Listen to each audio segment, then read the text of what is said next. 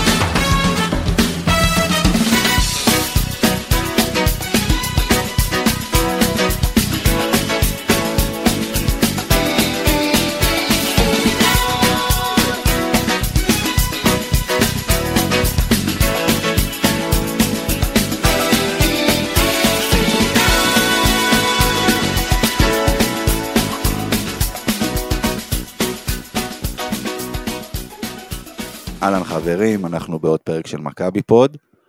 המבוגרים בינינו, תנסו למצוא מאיזה סרט השיר. אה, ת, כאילו, תכף גם נתייחס, נגיד מה, מה, מה ההקשר של השיר והכל, אבל נגיד קודם כל שלום לפאנל שלנו, שלום לך גיא קופיצ'ינסקי. אהלן ערב טוב, רק תיקון קטן, קטש הגיע למכבי 95-6, לא 94-5. 94-5 שיחק עוד בגליל עליון. חוץ מזה, אוקיי. הכל טוב. מקבל את. התיקון. אה, שלום מאיר זרצקי. אהלן, אהלן. אה, מועדים לשמחה, חג שמח, צד אחד, צד שני, מניח שתסכימו אותי שאנחנו פלייאוף. כולנו אה, משתתפים בצערם של כל מי שהתקופה קצת יותר קשה להם בגלל כל המאורעות האחרונים. כן, תכף אני, אני, אני אגיד כמה מילים על זה כמובן. שלום לאורח שלנו, יוני מונפו. חברים, אני אורח עדיין? איך זה עובד הקטע? לא יודע, תשמע, קודם כל, הרבה, קודם כל הרבה זמן לא היית פה, דבר שני, תשמע, אתה, אתה מצאת את הזמן, אתה אורח כבוד. טוב. אה, מצאת, מצאת את הזמן אה, להתארח אצלנו בזמן שאתה בדובאי עם המשפחה. נכון, נכון, ואני בדיוק אה, אה, רואה את הנוף מפתח תקווה ונזכר במגדלים של דובאי. גורם לי לזה, סתם. אה, איפה יש יותר בתי חולים, בדובאי או בפתח תקווה? אה, פתח נראה לי תקווה. שדווקא בדובאי, פה חיים סך הכל לא רעים פה לאנשים. היא נולדת בצבע הנכון, מה שנקרא. אה, טוב, אז באמת לפני שנתחיל, ויאיר הזכיר את זה. אה, אנחנו חיים בתקופה, ככה, בימים לא פשוטים.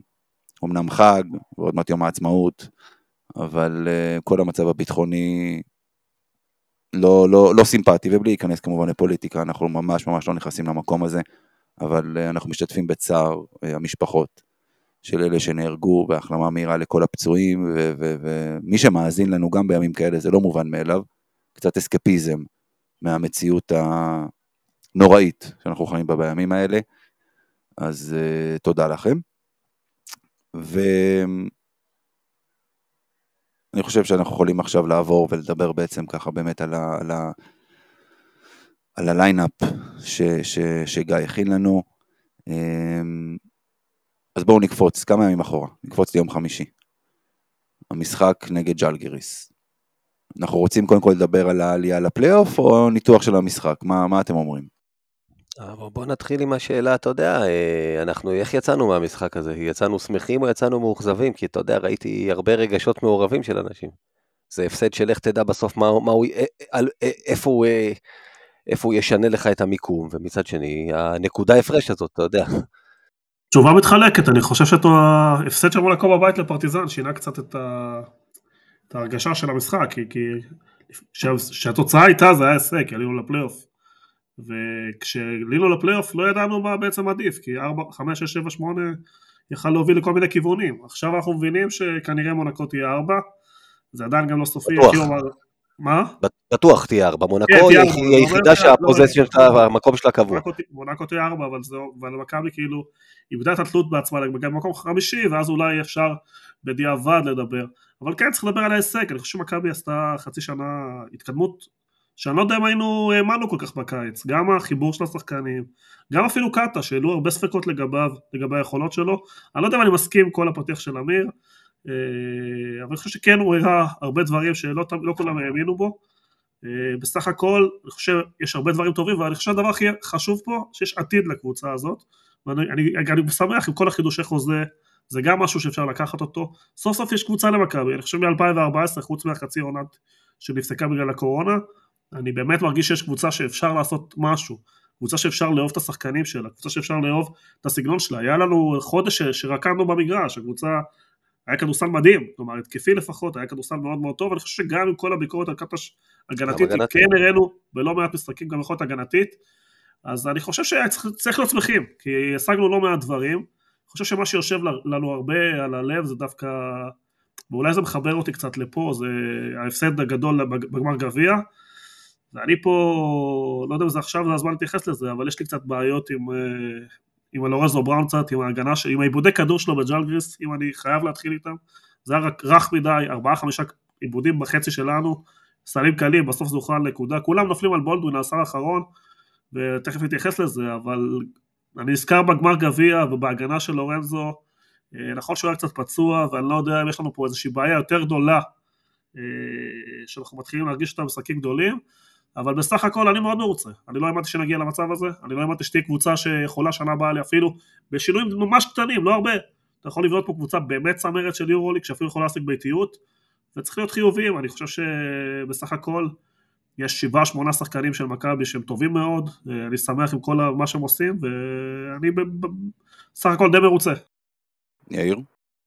כן, אני קודם כל מסכים מאוד עם, עם מה שיוני אומר, אני חושב שכשהמשחק של מכבי נגמר נגד ג'לגיריס, השמחה מעצם העובדה שהפלנו לפלייאוף בגלל התוצאה, היא גבוהה יותר מהבאסה שהפסדנו את המשחק, כי בסוף, אתה יודע, הפסדנו ואי אפשר להיות uh, שמחים ב-100%. אני מאוד מאוד הייתי רוצה שנעלה לפלייאוף עם, עם ניצחון, כדי שנוכל לבוא ולהגיד, זה לא, זאת אומרת, זה, זה, זה אך ורק בזכותנו, זה לא בגלל שמישהי ניצחה אותנו פחות ממה שניצחנו אותה, או הפרש של סלים או משהו כזה, אלא אנחנו שמה... אה, בלי שום, אה, אתה יודע, סימני שאלה, כוכביות, אני, אתה יודע, בסוף יהיו, יהיו את האוהדים שינסו אה, לצייר את זה ככה, אם אנחנו נעלה רק בזכות הנקודה הזאת. אני חושב שאם זה יקרה, זה יהיה אגב סיום אה, אה, מושלם, ואני אומר את זה כזה בציניות, לא רואים, אבל אני עושה כזה ככה עם המרכאות עם הידיים, כי זה יעזור לכל אלה שתמיד באו בטענות על העונה הזאת להגיד, הנה, בסוף עלינו לפלייאוף רק בזכות איזה נקודה, הפרש סלים כזה במקרי, אה, מספיק שטיילור היה קולע זריקת עונשין אחת וזה היה מצב אחר.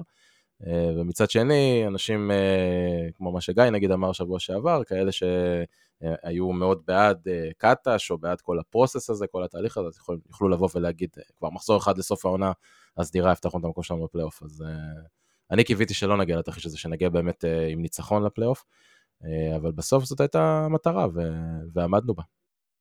תראו, אני, אני, אני כן רוצה רגע להתייחס לעניין הזה באמת, כי, כי ראינו גם אצלנו בקבוצת הוואטסאפ, אה, בקהילה של מכבי פוד, אה, לא מעט אוהדים שבאים ומדברים על זה שלנו צריכים להפסיד, והיו צריכים ללכת על איזשהו מהלך, ולא לעשות את האופן הזה לבולדווין ולקחת זריקה ממש בשנייה האחרונה. צריך לקחת בחשבון הרבה מאוד דברים והרבה מאוד משתנים במהלך התקפה האחרונה. אה, קטש ומכבי ידעו, שאם המשחק נגמר בתוצאה הזו, מכבי בפלייאוף. ושוב, זה היה היעד. זו הייתה המטרה והמטרה הושגה. בוא נניח שמנסים עכשיו לעשות איזה תרגיל, איזה pick and roll, איזו חסימה, או ללכת ולזרוק את הכדור כמה שניות לפני.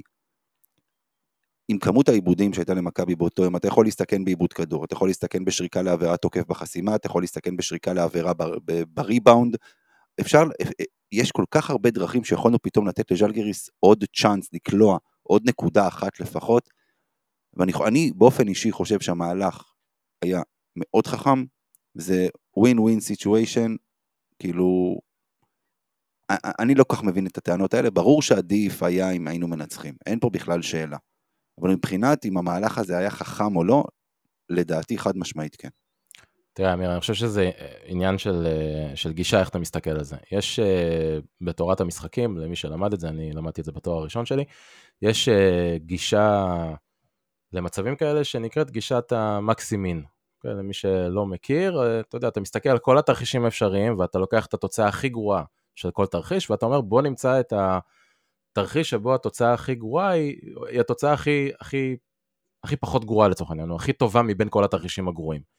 אוקיי? וזה לדעתי בדיוק מה שעודד קטש עשה כאן, שאני אגב, אני, אני מסכים איתך בהרבה מאוד דברים בחיים האישיים שלי, אני מאוד מתחבר לגישה הזאת, אה, ו- והולך לפיה בהרבה מקומות, ליפול הכי, הכי בקטנה שאתה יכול בגדול זה אומר, אה, וצריך גם לקחת בחשבון מעבר לכל מה שאמרת, שאפשר היה לאבד כדור, והם יכלו לקחת ריבאונד, ואם היינו משאירים לכמה שניות, ולך תדע מה קורה שם.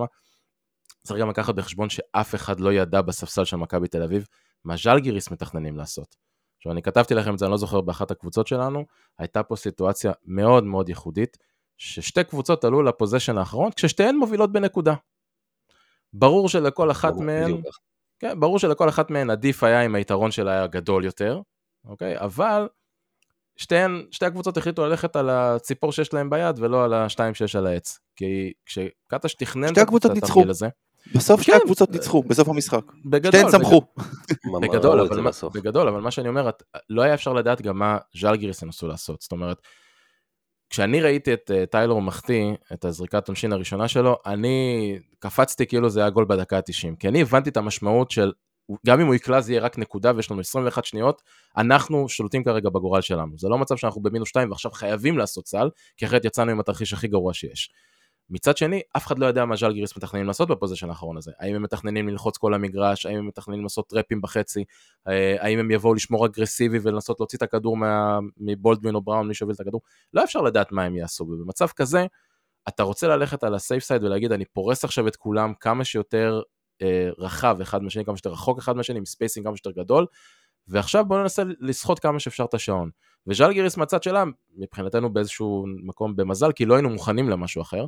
אה, החליטה שגם לה טוב, שהם ינצחו את המשחק בנקודה. עדיף לה קודם כל לקחת את הניצחון ולחיות עוד שבוע, מאשר לנסות לצאת עם, עם, אה, עם גם עם ניצחון וגם הפרש. אה, ולכן אני חושב שאני מסכים איתך בגדול, אני חושב שהמהלך שקטש עשה הוא, הוא נכון, אבל אני גם יכול להבין את האנשים שאומרים שהיינו צריכים לעשות משהו אחר. אני חושב שזה, שכמו שאמרת, במשחק הזה עם כל כך הרבה איבודי כדור, וכולנו, כולנו, כולנו בסופו של דבר בוגרי נס ז'לגיריס, כולנו יודעים ש shit happens. דברים לא צפויים קורים בכדורסל כל עוד יש זמן על השעון. ואתה לא רוצה להיות שם. אגב, לא צריך ללכת- לא צריך ללכת כל כך רחוק ל- לנס ז'לגיריס. ההפסד, ב- מה זה היה? בוולנסיה לפני שנה? לפני בוולנסיה, שנתיים? לפני שלוש? שלוש, נכון, על אותו- 2021. על אותו hand-off. Hand-off, האנדאוף של מהלך, שהוא מהלך, אחד הפשוטים שיש כדור. בכדורסל. בדיוק. העיבוד של חריאפה, אתה לא צריך ללכת עד נס ג'לגיריס, בדיוק, בצד לצורך העניין. שחקן. לתפוס כדור, שחקן כדורסל פתאום לא מצליח להסתדר עם כדור פשוט לידיים. תשמעו, קחו דבר אחד בחשבון. מאוד פשוט, אנשים מתלוננים. אנחנו הפסדנו בנקודה, אתה יודע, זה, זה הזוי הסיטואציה, יאיר אומר שהוא קפץ, אני לא קלטתי את זה. אני רואה את מכבי לפוזיישן האחרון, ופתאום אני קולט, זה נפל עליי, שזה זה הנקודה הפרש, זה לא שתיים, אני, כל המשחק אתה בעצבים ובמתח, והיתרון עובר מצד לצד, ואתה יודע כמה מונח פה על הכף, ואתה שומע שפנר מובילים, ופתאום נקודה הפרש, ואתה אומר גורלנו בידינו, ואני צועק, אתה יודע, לא שומעים אותי בטלוויזיה, התחלתי להגיד לה, אני, אשתי לידי, ואני אומר לה, שיחזיקו את הכדור עד השנייה ממש האחרונה, כי תבינו, מה שקרה, כמו שבשבועות שלפני פתאום כל התוצאות הסתדרו למכבי בול, כל פעם התקדמנו מקום אחד למעלה, מקום אחד למעלה, בשני מחזורים האחרונים של היורוליג, תרחיש האימים הזה, שאנחנו אמרנו שרק רק הוא, יאיר אמר יש אלף ומשהו תרחישים, ורק באחד מהם מכבי לא עולה, והתרחיש הזה הולך ומתגשם לנו מול העיניים. אחד-אחד, כל מה שאנחנו צריכים שלא יקרה, קורה בדיוק לרעתנו בשני המחזורים האחרונים, והנה פרטיזן ניצחה במונקו, ופנר שנראתה מפורקת וגמורה ניצחה את הנדולו אפס בדרבי, והכל קורה לרעתך. ופתאום אה, גם ריאל מדריד מחליפה מקומות עם ברצלונה, שיהיה לך לוקס כזה, ואתה פשוט מבין שאתה לא רחוק, אתה צריך לארח את ריאל מדריד, שעוד עם סיכוי למקום ראשון, ואתה יכול למצוא את עצמך באמת ובתמים מחוץ לפלייאוף. נכון ששוב, גם במחזור האחרון יהיו תרחיש שצריך לקרות, אבל זה כבר נראה ריאלי לחלוטין, ואם איזיה טיילור קולע את הזריקה השנייה, אני מבטיח לכם שאף אחד מאיתנו לא ישן מאותו רגע ועד יום חמישי. זה אומר שמסקוניה מנצחים באולימפיאקוס, גל, לפי מה שאתה אומר. אבל- אבל- לא, תשמע, אתה יודע, אתה, אתה לא רוצה להגיע למחזור אחרון ולהתפלל שם לזה שזה לא יקרה. בוא, זה, זה לא, אתה יודע, לפני- כ- לפני התרחישים, אני היחידי שחי בשלום עם הזריקה של אה, בולדווין? לא, לא, לא, דיברנו על זה, חיית לגמרי לא. בשלום. תשמע, קודם כל צריך להגיד, אני, יאיר, דיברנו על זה ואני הסכמתי איתו במאה אחוז אה, בקבוצת הוואטסאפ שלנו. בולדווין, אם היה מתחיל את המהלך שנייה אחר כך, והולך כמו שהוא יודע, בכל הכוח לתוך הטבעת, אולי זה היה נגמר אחרת. בולדווין התחיל לחדור לסל, ואני חושב שראו איך הוא כאילו עובר לו בראש, עשיתי את זה טיפה מוקדם מדי, והוא פתאום לוקח איזה צעד שמאלה כדי למשוך את זה עוד יותר, ואז יצא לו זריקה שלא לא לו הייתה טבעית היה- אצלו, היה- היה לו עוד אבל- משחק שהוא- שהוא החמיץ זריקה דומה מאוד. פנתנאיקוס, פנתנאיקוס, אבל, האופן הזה, אגב, אנשים. התחילו... כן, כן, זריקה שלו. ידידנו שגיא מתתיהו אמר לעשות אופן זה מהלך ללוזרים, אני לא מסכים בכלל, קודם כל פיני גרשון לא. הגדול הלך אופן עם אדי גורדון בגמר הגביע ההוא של אה, 95-6, השנה שקטש הגיע למכבי. אופן זה לגיטימי לחלוטין מצב כזה, צריך להבין, גם שיפוט במגרש שהוא נגדך, והשיפוט הרצ... לדעתי רצח אותנו בחלקים גדולים במשחק, כל פתאום להביא, להביא חסימה, יכול פתאום, אתה יודע, שחקן מסובב טיפה את הכתף, העבירות תוקף המרגיזות האלה, כדור עובר אליהם לעוד כמה שניות. עשו בדיוק מה שצריך, אני לגמרי חי בשלום, או תנצח, או תהיה בפלייאוף, ואני שמח שאני בא, עדיין, שאנחנו באים למשחק מול ריאל מדריד, שזה מה שרצינו, שהוא יקבע מיקום בפלייאוף, ולא את המקום שלנו בפלייאוף, ואנחנו לא צריכים להיות במתח המיותר הזה. אז אוקיי, המקום, הסיכויים למקום חמישי עכשיו לא תלויים בנו, בסדר, נו מה, מי חשב על מקום חמישי לפני שבועיים? רצינו פלייאוף. בסוף אתה יודע, אם אתה רוצה גם אה, לעשות יותר מזה, אז זה לא חוכמה להגיד אני צריך רק את היריבה הזאת הספציפית, אה, החיים זה לא, לא עובד ככה. קבל את מי שתקבל, תעשה את המקסימום, וזה מה יש. טוב, אה, לפני שעוברים לנתח אה, מקצועית את המשחק רגע, את- את- אתם רוצים שאני אסכם לכם רגע את החצי דקה האחרונה הזאת של ה- של המשחק? כי כתבתי איזה שיר קטן זה. בשביל זה. רוצים לשמוע? או, כולם עם שירים היום, כן, יאללה. ברוח, ברוח התקופה. לא דיברנו על מה קרה התקפה אחת לפני זה של מכבי, אבל uh, אילו לקח ג'וש ניבו ריבונד התקפה חשוב מעל כל העמלקים הליטאים חצי דקה לסיום, דיינו. אילו לקח ניבו ריבונד התקפה חשוב ולא החטיא מסנטימטר, דיינו. אילו החטיא מסנטימטר ולא החטיא קרש סל בפעם השנייה, דיינו. אילו החטיא בפעם השנייה ומכבי לא הייתה מסננת בהגנה, דיינו. אילו מכבי הייתה מסננת בהגנה אבל מרטין היה מצליח לעשות עצירה בלי עבירה, דיינו. אילו מרטין עשה עבירה שמנעה סל וטיילור לא היה מחטיא את הראשונה, דיינו. אילו טיילור החטיא את הראשונה וקטש לא ידע את המצב בטבלה, דיינו. אילו קטש ידע את המצב בטבלה ובולדמין לא היה סוחט את השעון עד הסוף, דיינו. ואילו לא סחט את השעון עד הסוף והיה קולע, דיינו, בקיצור, די, דיינו. די. נס- חצי- נו, חצי נס של. מלא, תהיו- אל תהיו אשכנזים, די, נו, תשאירו. טוב, לא חשוב. אה, אנחנו אה, אשכנזים. יפה, יפה, אה, יפה מאוד, יאיר. טוב, מקצועית, יאללה, סע. מה אתם רוצים להתחיל, התקפה או הגנה?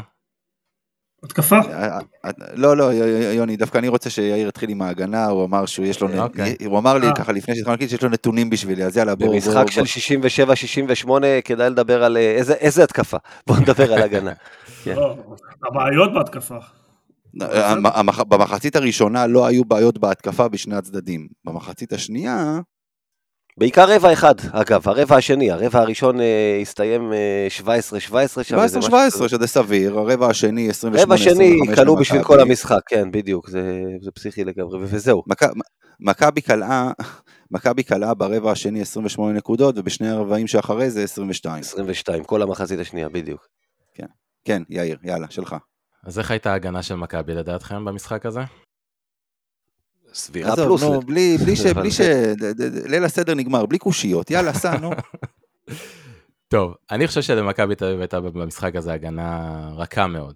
נכון שספגנו רק 68 נקודות, ודיברנו על זה, אמיר בינינו, אה, ואתה מסתכל על אחוזים של ז'לגיריס משלוש, שזה אה, מפתח שדיברנו עליו לפני המשחק, כלו בערך 21 אחוז, שזה מזעזע לחלוטין.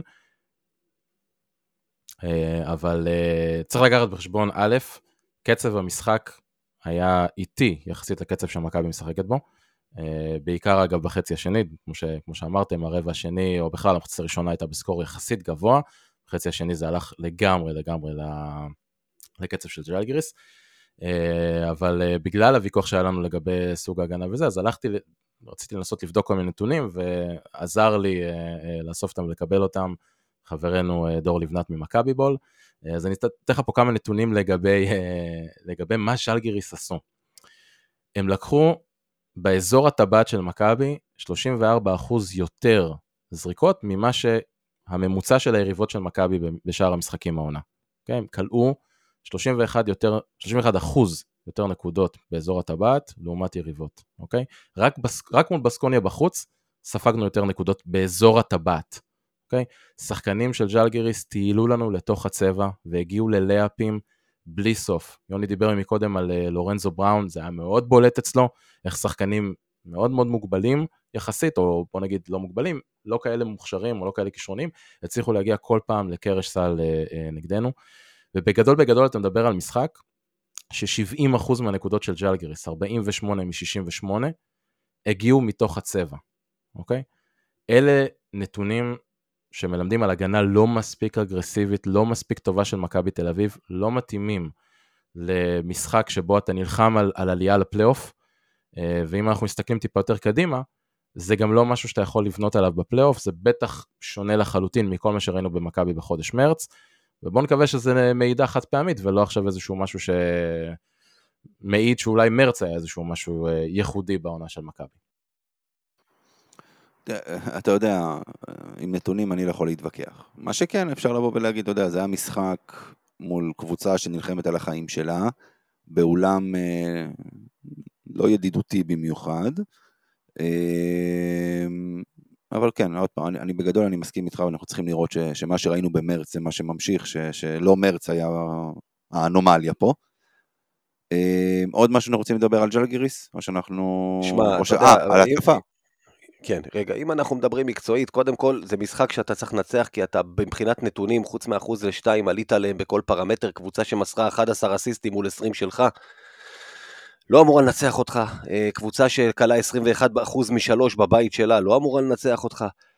כשאתה רואה את סגל השחקנים, אבל כבר דיברנו על זה, קז'יס מקסביטיס מבחינתי מאמן העונה ביורוליג, שהוא לקח קבוצה שכולם חזרו למקום האחרון והוא אה, מביא אותה אל סף פלייאוף. אגב, לא סתם הם אה, עשו מה שהם עשו ב possession האחרון, ולא התאבדו על לעשות פאול ולנצח על שתיים הפרש, כי אם הם מפסידים את המשחק הם בחוץ.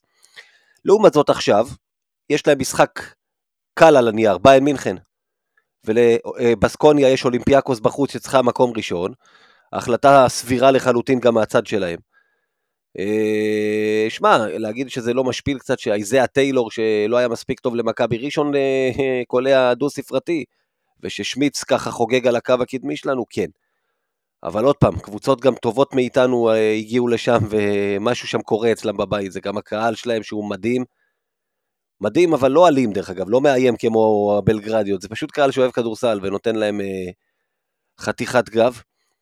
אה, יוני היה שם לדעתי, הוא יכול לספר מקרוב על האולם הזה, אז... אה... אני יכול לדבר על כל העיר, אז פשוט כל העיר חולה על הקבוצה הזאת.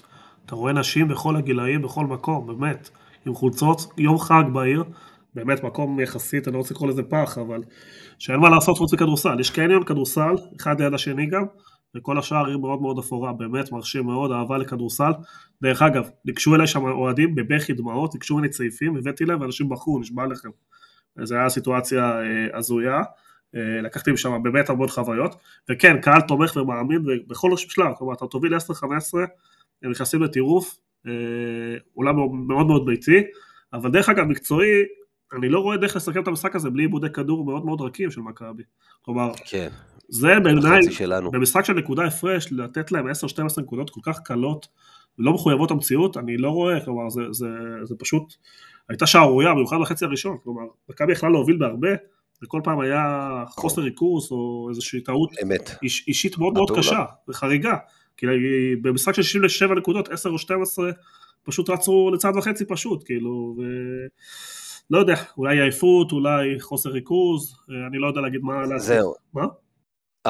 אנחנו דיברנו על זה לפני, בפרק הקודם אני אמרתי שמכבי תל אביב עוד לא הוכיחה את היכולת שלה להתמודד כמו שצריך מול קבוצות שבאות לשבש לך את המשחק ולא כאלה שבאות לנסות לשחק יותר טוב ממך. שאת זה בחודש האחרון אמרת, רקדנו על המגרש, כי שיחקנו גם מול יריבות, פנרבכצ'ה, אנדולו, האיטלקיות, הן מנסות להיות יותר יפות ממך ולשחק רוב הזמן. אה, ואתה ניצחת אותם בכדורסל. ז'אל גיריס היא קבוצה שבאה לשבש, והיא הצליחה. החדשות הטובות הם שמכאן ולתוך הפלייאוף ועד הסוף, כנראה אנחנו לא ניתקל בקבוצות יותר שבאות לשבש. גם בליגה שלנו יש רק אחת כזאת, ואנחנו נדבר, אולי חשוב להיות ראשונים גם בגלל זה, שאולי אה, נימנע מהם בדרך ובפלייאוף, כאילו, כל האחרות באות לשחק נגדנו ושם יותר קל לנו. אוקיי, okay, טוב, אז בואו עכשיו אנחנו נתקדם. בואו נדבר כמה מילים ככה באמת על, ה, על המשחק שלנו אתמול נגד חולון, על הניצחון הזה. אמ, אתה יודע, הרבה מאוד אנשים גם תוהים לגבי בחירת הזרים של קטש במשחקי הליגה. ואומרים שאיליאר צריך לעלות וצריך לתת לו לורנזו לנוח ולבולדווין לנוח ו- ו- וקטש ממשיך עם, ה- עם החמישייה שלו, עם חמישיית הזרים הקבועה שלו, שאנחנו כבר מבינים שאלה הזרים שהוא ילך איתם למלחמה, מה שאגב מעניין מאוד יהיה לראות מה קורה ברגע שפויטרס חוזר וקצת נכנס יותר לעניינים. אה, שם זה באמת יהיה מאוד מאוד מעניין לראות, אבל אה, נורא פשוט. ראינו עוד פעם, ראינו... אבל זה נורא פשוט, אם הוא יהיה בכושר הוא יקבל כמה דקות במקום ניבו, כלומר יכול להיות, כלומר, יש עוד... לא כן, רואה תרחיש אחר. עד שהוא יחזור לכושר, עד שהוא יחזור לכושר, נכון. בשלבים המאוד מאוד מאוד מכריעים של העונה הזו. אבל במידה והוא יקבל דקות, אל תשכח, לא ברגע שאתה רושם... יוני, ברגע שאתה רושם הרי זרים עכשיו לסדרה, אתה לא יכול להחליף זרים באמצע. אמת, אבל... לא. העלית שאלה שיש תשובה אליה, התשובה היא במקום ניבו, אני לא רואה תשובה אחרת, כלומר, אני לא רואה שמוצאים את אה, קולסטון או מישהו אחר, כלומר. אה, יכול להיות גם ג'רל מרטין לדעתי, כן יכול לקרות. אה, יאיר הזכיר את זה שמול קבוצות מסוימות דווקא לשחק עם שני הגבוהים בליגה. נותן לך איזה יתרון מסוים. בליגה, בליגה, ירושלים או הפועל תל אביב, אתה יכול אוקיי. לשחק עם שניהם. אוקיי. אה, אבל אוקיי, בואו... אבל כמה שלשות זרקנו אתמול? אה, עשינו שיא חדש של 19, זרקנו 38 פעם משלוש, רק 24 משתיים. אני לא יודע אם זה חזרה גנרלית לריאל מדריד, שאמרו שם גם ככה הצבע יש טווארס, אז בוא נעיף שלשות, כי זה קצת הדאיג אותי שמכבי תל אביב חזרה לסורה, לכדורסל שמאוד לא אהבנו לראות שהם מעיפים מכל מקום ולא תוקפים את הטבעת. וואלה, לא ראיתי לחולון מה יש לה בפנים, במיוחד שהיא שיחקה עם קריס ג'ונסון בארבע רוב הזמן. קלעת ב-50% לשלוש. אחלה שקלעת, עוד פעם, אני לא, לא יודע, לא חי עם זה בשלום ששחקן כמו ג'רל מרטין רק עומד בחוץ ומעיף. כבר דיברנו על זה שעם הגוף שלו, בטח בליגה שלנו, הוא צריך קצת יותר ללכת ל, ל, ל, לתוך הסבע ולתוך הסל. אה, את זה לא אהבתי לראות. גם את ההגנה שלנו לא אהבתי לראות. שוב, יש תחושה, יחד עם המשחק מול ז'לגיריס, של הרבה אוהדים, שנגמר ירח הדבש, נגמרה התקופה הטובה, ודווקא לקראת המאני טיים באה ירידה קלה, כמובן שזה, אי אפשר להסיק מהמשחקים האלה כלום על כלום. אנחנו נקבל על זה כנראה תשובות ביום חמישי, אם זה באמת מגמה או, או לא, כי אתמול לא היה משחק טוב שלנו. סיבכנו משחק שיכולנו להרוג כבר ברבע הראשון. אה, במשחק שלא היינו צריכים לסבך, אתה יודע, גם יש לו השלכות. הניצחון חשוב מאוד כי אם יהיה דרבי עכשיו או אחר כך, אנחנו צריכים, אה, אתה יודע, להבטיח מקום ראשון. ראינו, דיברנו על כמה הוא חשוב. לא, אני חושב שמכבי הלכה לניצחון בכמה שפחות מאמץ. אם אתה מדבר מקצועית, אני חושב שהריבונד היה נקודת התורפה, כלומר לא יכול להיות שהגמדים האלה מחולון אה, לוקחים יותר ריבונד ממכבי, וזה מתקשר לגישה, כלומר עומס משחקים, אז אתה מוריד טיפה, טיפה את הרצון ואת המחויבות, וזו התוצאה של זה, במיוחד שהובלת בהפרשים יחסית רבע ראשון מצוין, פתחנו טוב, הובלנו דו ספרתי ואז הורדנו הילוך, וחולון, כמה שהם לא, באמת חולון של שנה שעברה, וקבוצה מאוד קצרה, כשאתה נותן לה לקלוע, הם יודעים לקלוע ויודעים לרוץ לעשות ריצות, זה, זה ב-DNA שלהם. אה, שאלה, שוב, פה, גם פה השאלה עד כמה זה משהו שאפשר לקחת הלאה, ואני גם לא חושב שיש יותר מדי מה לקחת הלאה. ניצחת, אה, אין פצועים ברוך השם, למרות שיאיר פה רמז פה לשתי שחקנים שתפסו רגל פה ושם, אולי הוא ירחיב על זה, אני לא רואה סיבות לנתח יותר מדי מקצועית או לקחת פה דברים הלאה, כי זה לא דומה לשום דבר שיהיה קדימה. אה, ואפילו בגישה של מכבי, לא רואה איך מכבי למשחקים גדולים תגיע כל כך אה, נרפאת אה, ומשחקת, שוב, כדורסל, רק לעבור את המשחק בשלום, לא, לא רואה פה מעבר. לא, בהקשר למה שגיא אמר, אני צריך לזכור דבר אחד מאוד פשוט, עוד פעם, מכבי שיחקה יום חמישי בז'לגיריס. סביר להניח שחזר לארץ ביום שישי, ביום ראשון בום, עוד משחק. אלה לא רובוטים, אלה לא מכונות, אלה בני אדם. הפיקים האלה שיש להם כל פעם ביורוליג, ואז מגיעים לאיזשהו משחק ליגה, אי אפשר לנתק את הדברים האלה. הם קשורים אחד לשני בכל מקרה. ו- וכן, אז יש עוד פעם, יש את, ה- את, ה- את, ה- את ההופעות שיא שראינו ביורוליג במהלך חודש מרץ, ויש פתאום איזושהי ירידה, ואני חושב שזה הגיוני. אה, ברור שאנחנו צריכים עוד פעם לצפות מהקבוצה הזו להגיע למשל ביום חמישי למשחק בא אחד מול ריאל, אה, ולתת את כל מה שיש להם, בשחזור של מה שראינו של חודש מרץ, אבל אי אפשר לצפות מהקבוצה הזו שתיתן משחק מושלם כל פעם, אה, במיוחד כשמדברים בליגה שלנו, כי אתה מגיע שוב מ-15 אלף איש בז'לגיריו, באווירה מטורפת, ליד אליהו עם 6,000 איש, אווירה בוא נגיד קצת פחות, אה, קצת פחות. מהם 800 אלפקות שבאות לירוק. כן, סוג של. יאיר. אני חושב שיש גם המשחק נגד ג'לגריס וגם המשחק הזה הרבה לקחים ודברים ש... שמכבי יכולה לקחת קדימה לגבי איך קבוצות מסוימות אה, מתאימות את עצמם למה שמכבי תל אביב עושה מולם ו... ובכלל. קח רגע את אה, חולון כדוגמה, זה המשחק הרביעי שלנו נגד חולון העונה. אה, ניצחנו את השלושה הקודמים ובשלושת הקודמים שזה חצי גמר גביע ווינר ושני משחקי הליגה, אה, קטשנו אותם בתוך הצבע. וגיא נגע בזה כשהוא uh, רמז לזה לגבי כמה זריקות לקחנו משלוש, כמה זריקות לקחנו לשתיים. בשלושת המשחקים הקודמים לקחנו, קלענו 46% מהנקודות שלנו בתוך הצבע. לקחנו 45% מהריבאונדים מתחת לסל של חולון. אז uh, צריך גם לתת קרדיט לצד השני, שידעו את זה חולון, באו מוכנים לזה, וקיפצו את עצמם פנימה ונתנו המון דגש על ההגנה שלהם אה, בתוך הצבע, על חשבון זה שהם נתנו לנו לזרוק הרבה פעמים משלוש. אה, וצריך להגיד את האמת, אומנם אה, הובלנו פעמיים דו ספרתי במשחק הזה, אבל זה היה בסטרצ'ים מאוד קצרים יחסית, זה היה שמונה דקות ברבע הראשון, הובלנו 30-15, ומאז ועד, ועד המחצית, הם רצו אלינו, מה זה היה שם? 36-18 אם אני לא טועה.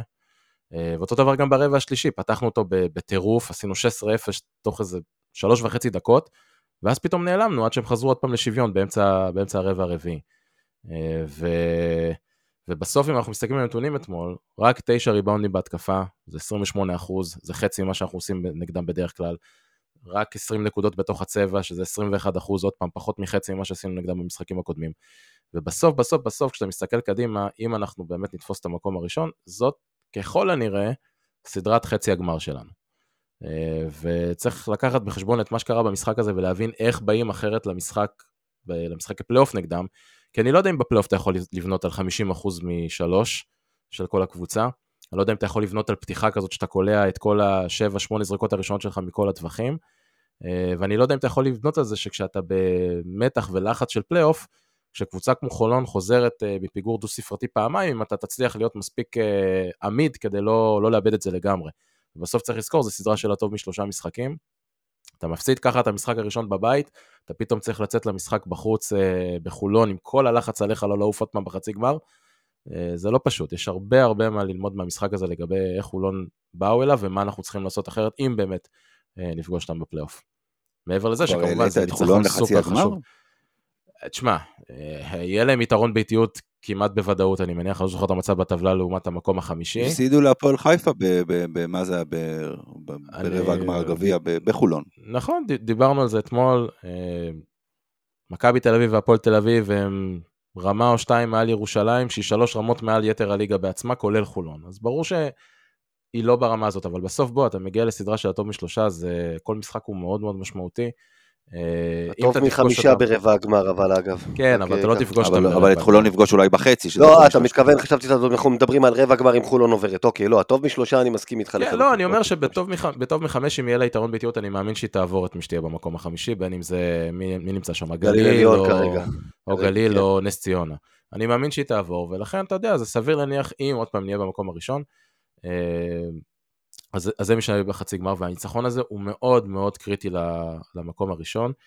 אה, למאבק על המקום הראשון, כי אם באמת, אה, אם הדרבי באמת יתקיים ביום ראשון הקרוב, ואנחנו מנצחים אותו, דיברנו על זה בפרק הקודם, אנחנו מובילים על הפועל תל אביב בשני משחקים בטבלה עם יתרון, ב, ב, עם יתרון פנימי, שלושה משחקים לסוף הליגה. כלומר, בגדול ניצחנו משחק אחד, שהוא לצורך העניין יומיים אחרי זה, לא זוכר אם זה גליל או נס ציונה, לדעתי גליל בבית, שזה לדעתי המשחק הכי קל שיש לנו בבית העליון. סגרנו את הסיפור של הבית, של הביתיות בפלייאוף. ואני חושב שזאת הסיבה שעודד קטש הולך עם הסגל החזק שלו לאורך כל המשחקים עכשיו, כי הוא ממשיך את הגישה שאני מאוד מסכים איתה מלפני, uh, לדעתי, פנרבכצ'י, אם אני לא טועה, all in על התקופה הזאת, להוציא ממנה את המקסימום כדי לסגור פל... מקום בפלייאוף ביורוליג, לסגור ביתיות בליגה, ואחר כך אפשר לתת לשחקנים לנוח נגד uh, נס ציונה, נגד ירושלים וכולי וכולי. עוד משהו אחד, גם אתה יודע, מעבר לזה, שעוד, אני מסכים איתך לגבי העניין עם ה-all in בתקופה הזאת, גם ככל שאתה מריץ יותר את השחקנים האלה, הם יותר מתחברים, הם יודעים לשחק יותר טוב ביחד. זאת, זה הבסיס שלך של, של משחקי היורוליג, בסופו של דבר, וזה מתווסף גם לליגה, אין מכבי א', אין מכבי ב', ו- ומהבחינה הזו, עוד פעם, נכון שאתה שוחק פה קצת את השחקנים, אבל הגענו למאני טיים של עונה, זה הזמן של, זה הזמן של הכוכבים לשחק. נכון. Uh, טוב, עכשיו בואו נעבור ונדבר על, אה, על אה, נקראת ריאל מדריד. אבל לפני שאנחנו מדברים על ריאל מדריד, בואו נדבר קצת על תרחישים.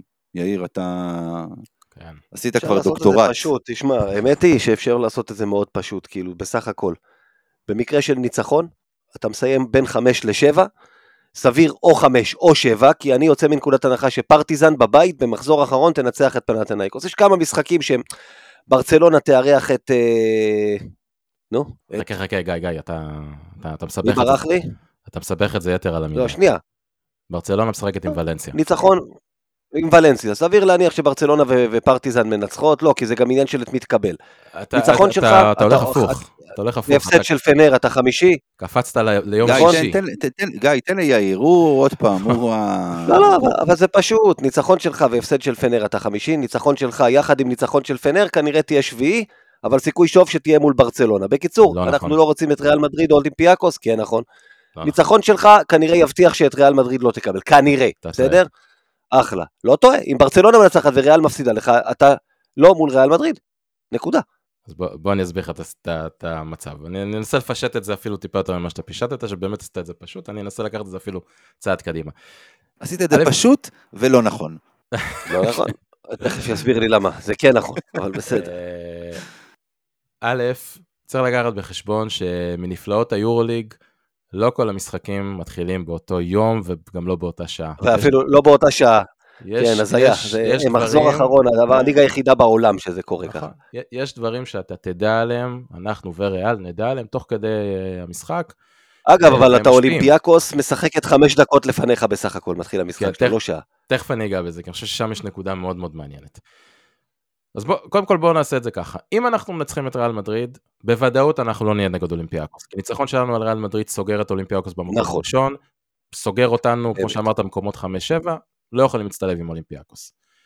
אם, יפה. כמו שאמרת, פנרבכצ'ה מפסידים ואנחנו מנצחים את ריאל, אנחנו ב-100% נגד מונקו, כי אנחנו במקום החמישי, מונקו בטוח מקום החמישי, עד כאן מעולה.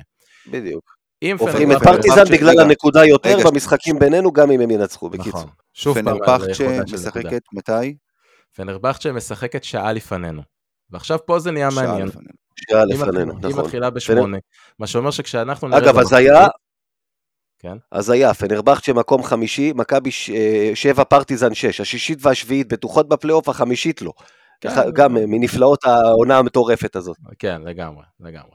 אה, עכשיו, כשמכבי וריאל ירדו למחצית, הם ישמעו את התוצאה של פנרבכצ'ה, פה הדברים יתחילו להיות מעניינים, אוקיי?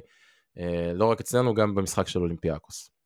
כי אם אנחנו, כי אם פנרבכצ'ה ניצחו ואנחנו ניצ... מנצחים את ריאל מדריד, פה גיא אתה טיפה טועה, יש לך 50% לקבל את ריאל מדריד ו-50% לקבל את ברצלונה.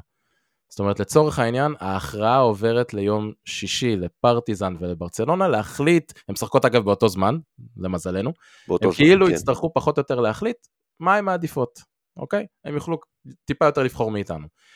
אם פנרבכצ'ה ניצחו אה, ואנחנו מפסידים לריאל מדריד, יש לנו 62.5 אחוז לקבל את ריאל מדריד, 25 אחוז לקבל את אולימפיאקוס ורק 12.5 אחוז לקבל את ברצלונה. זה אם אנחנו נכון. לוקחים בחשבון שבכל משחק יש 50 אחוז לנצח, 50 אחוז להפסיד. זאת אומרת, אם לסכם את זה, אם כולנו מבינים שאנחנו לא רוצים לקבל את ריאל מדריד, כדאי לנו לנצח את ריאל מדריד כדי שהסיכוי לקבל אותם יהיה כמה שיותר נמוך, כי אם אנחנו מפסידים לריאל מדריד, במרבית הסיכויים אנחנו מקבלים אותם בסדרה, וזה לא משנה אם אנחנו מקום 7 והם 2, אם אנחנו 8 והם 1, שמונה והם אחד, אה, נכון. אם הם 6 ואנחנו 3, זה לא משנה, אוקיי? הפוך, אה, הם שלוש. עכשיו-. למה כל הסיפור הזה בעיניי נהיה מעניין? כי צריך גם לחשוב על הקבוצות האחרות שאנחנו משחקים נגדם ושמשחקות במחזור הזה, וגם כן יש להם כל מיני תרחישים. אוקיי? סתם לדוגמה, אולימפיאקוס, אה, אני חושב שהיא הולכת, אה, צריכה להתאבד על המשחק הזה נגד בסקוניה, כי אם היא מנצחת, זה כמובן שם אותה במקום הראשון, אבל זה פותח פתח שז'לגיריס נכנסת במקום השמיני במקום אה, בסקוניה או במקום פנר, אוקיי? עם ניצחון על אה, ביירן מינכן, ואני מניח שאולימפיאקוס ירצו לקבל את ז'לגיריס על פני כל קבוצה אחרת, אוקיי? אה, אבל אה, אה, כשריאל תדע כמה דקות לסוף המשחק שלנו, מה אולימפיאקוס עשתה, כי הם מתחילים כמה דקות לפנינו, שם יהיה מעניין לראות מה הם, מה הם יעשו, כי לריאל, בכל מיני תרחישים מסוימים, תהיה את האפשרות לבחור האם היא רוצה ללכת על ניצחון כדי לקבל את מכבי, או שהיא תעדיף לזרוק את המשחק, כי עדיף לה לקבל את פרטיזן, שברוב התרחישים זה מה שהיא תקבל אם היא תפסיד לנו, אוקיי? אמ, ועכשיו אנחנו נוכל לבדוק במקרה הזה, האם כמו שאמיר אומר, או אמר הרבה פעמים במהלך השבועיים שלושה האחרונים, אף קבוצה באירופה לא תרצה לקבל אותנו, או שאנחנו נראה את ריאל מדריד פתאום מעלה הילוך בחמש דקות האחרונות באמוק של הלייף, כדי לא לקבל את פרטיזן ואת הגיהנום של הסטארק ארנה. זה יהיה מעניין לראות. מה אני, ל- להגנתי אני אגיד שאמרתי את זה בחודש מרץ, אנחנו כבר באפריל, אני מצטער, דברים לא, משתנים. אבל, אבל, אבל תשמע, אני לא חושב, יאיר הזכיר את זה, בטח אם אה, זאת תהיה גם- ז'לגיריס בסוף, בפלייאוף נגיד, ולא בסקוניה. גם בסקוניה, אגב, בסקוניה ניצחה השנה את ריאל מדריד נדמה לי ארבע פעמים. נכון. יש פה, יש פה פלייאוף שאף אחד, אין יריבה בהזמנה שבאה לאף אחד. גם מכבי לקבוצות לבוא ליד אליהו, המאזן הביתי הטוב ביורוליג, אף אחד לא רוצה. לבוא לגיהנום של פרטיזן, שאגב, נראית מצוין בלי קשר, אף אחד לא ישמח מזה. לקבל אפילו את ג'לגיריס, שפיינל פור אצלה בבית, ואתה תמיד חושש עוד פעם, שיפוט, עניינים, הבית שלה גם כן. אין פה, אין פה אה, ארוחות חינם. אה, אני- ופנר... חולק פה על אה, שניכם פה, כי אני קצת מכיר את ריאל מדריד ואני מכיר קצת את האופי של המועדון הזה. אני לא חושב שאנחנו מפחידים אותם יותר מדי, אני לא חושב שפרטיזן מפחידה לא. יותר מדי. אם יש שם, שם אחד שקצת מזיז להם זה ברצלונה, שזה יותר בגלל, אה, אתה לא יכול להפסיד משחק כזה, או שבאמת יש השפעה, גם ברמת המעמד של מאמן, גם ברמת ההסתכלות של האנשים. ריאל לא, לא, בוא, בתקציב שלהם, ביכולות שלהם, לא חושב שזה מעניין אותם יותר מדי. דרך אגב, הפסידו בליגה השבוע 20 ומשהו הפרש, אז אה, זה נראה לי שהם נחו קצת לפני, לפני המשחק שלנו, הם יבואו לפה, כן. ינסו לנצח את המשחק הזה, אה, לא נראה לי שמעניין אותם פרטיזן או מכבי אולי המאמן שלהם יכול לפחד מאוברדוביץ', זה כן איזושהי נקודה שאולי ספציפית, מאמן חסר ניסיון יכול לקחת לעצמו, אבל לא נראה לי שמכבי מפחידה, ויש להם שתי משחקי בית לפני מכבי שבאים לפה, ושנה שעברה היה להם נוח מולנו, אז אתה יודע, בסופו של דבר שחקנים אפשר לנסות לבלבל להם את המוח יותר מדי, אבל בסוף הם, הם לא טיפשים ואי אפשר יותר מדי לערבב אותם, אז uh, אני לא כזה קונה את כל התסריטים האלה, שזה כזה שוויוני כמו שאתה מתאר את זה גיא, שיש להם יתרון ברור, יבואו לפה. לא, אני מדבר על פלייאוף שוויוני, על זה שאין יריבה שהיא בהכרח בהזמנה. אתה, אתה צודק, ריאל מדריד לא מתעסקת בריאל מדריד, אני לא חושב שהיא מפחדת מאף אחד, אבל היא גם לא תתעסק בעדיף לי מכבי, עדיף לי פרטיזן, נכון, עדיף לי... נכון, נכון. זה, כי אין פה יריבה כזאת, גם כי אין פה אחת כזאת ספציפית, ריאל מדריד גם לא מתייחסת ככה לאף אחד. אני גם רוצה להגיד לך עוד משהו באופן כללי על בחירות יריבות. אני באמת מכיר הרבה אנשים בהרבה קבוצות. אנשים לא, רוב האנשים המקצועיים לא מתעסקים בדברים האלה, ברוב הזמן אין להם סיטואציה מאוד מאוד ספציפית. כלומר, יכול להיות שמאמן מסוים יפחד מאוברדוביץ', אני יכול להבין את זה, אני באמת יכול להשתכנע.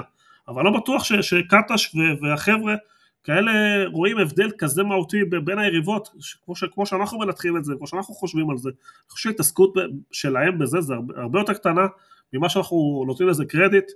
אה, זה יכול להיות אירוע ספציפי בודד, לנסות לעשות את זה, כמו שהסיטואציה כל כך מורכבת, אני בכלל לא חושב שמייחסים לזה כזה חשיבות. רגע, אה, אתה, יוני, אתה טוען, אתה טוען שמכבי לא מעניין אותה אם היא תהיה נגד ריאל מדריד או, או קבוצה אחרת? אני טוען שברמה המקצועית, לאורך שנים, ההתייחסות הזאת, כמו שאנחנו מתייחסים לזה, היא הרבה יותר קטנה. ספציפית למכבי של קטש, אני אומר לך, ועובדה, ראינו את זה בהחלטה ברגע האחרון בג'לגרס, שאם כל כך היו חוששים, אולי כן היו לוקחים איזשהו סיכון. אם כל כך חשבו שצריך ללכת, לא יודע, לאיזשהו עד הסוף, אז אולי היו עושים דברים בצורה אחרת. אני חושב שההחלטה עצמו מעידה על זה אפילו, שזה פחות יושב להם על הראש. אני לא אגיד לך שעכשיו ריאל ומונקו זה אותו דבר, יש הבדלים תימוניים בזה, אבל יאיר, אנחנו ידענו שעכשיו זה ברור לנו שמונקו כנראה תהיה ארבע, שמונקו ארבע, אבל לפני המשחק לא כל כך ידעת את זה. זה פשוט, אה, מונקו פישלו זה... פרטיזן וזה נפתח בצורה כזאת. אז אני חושב שכן, אני אומר לך, אני אומר לך את זה בוודאות, שהיחס לזה הוא הרבה יותר קטן. אנשים עסוקים ביום יום שלהם, במשחק שלהם, ולא בכל התרחישים האלה וכל הסיטואציות האלה. שוב, אם אתה מגיע למצב סיטואציה ספציפית במשחק מסוים, כן זה יכול להגיע למצב ש, שאתה יכול לבצע משהו, אבל אתה לא יכול חודש שלם להתחיל לתכנן את הנקודות האלה, כי זה, לא, זה לא עובד. וזה לא קורה פה במכבי, וזה לא קורה בקבוצות אחרות. אה, אני, אני מסכים לא איתך, אני מסכים איתך ששחקנים אה, לא עושים את החשבונות האלה, ומבחינתם, לא משנה מי הם יקבלו, הם יבואו אה, לשחק ויאמינו בעצמם, כי, כי זה שחקנים, בטח אנשים עם ביטחון כמו לורנזו בראון, וייד בולדווין, אתה יודע, יאמינו בעצמם, לא משנה מי תהיה היריבה. על זה אני מסכים איתך. אני חושב שברמת הצוות המקצועי, אם המשחק נגד ז'לגיריס לימד אותנו משהו, זה בגדול מה קורה כשמכבי תל אביב נתקלת ביריבה פיזית, אתלטית, גבוהה, עם size, כי מכבי במשחק נגד ז'לגיריס בהתקפה פשוט לא הצליחה להגיע למה שהיא רוצה לעשות, ורואים את זה בנתונים, גם ביעילות של בולדווין, גם, בפוז... גם ב... ביוסט של אה, לורנזו בראון, אנחנו פשוט, הסיבה שהיינו כל כך גרועים בהתקפה שם, זה כי יש להם size לחבר'ה האלה, מיליטה וריאל מדריד היא קבוצה מאוד מאוד דומה בהקשר הזה.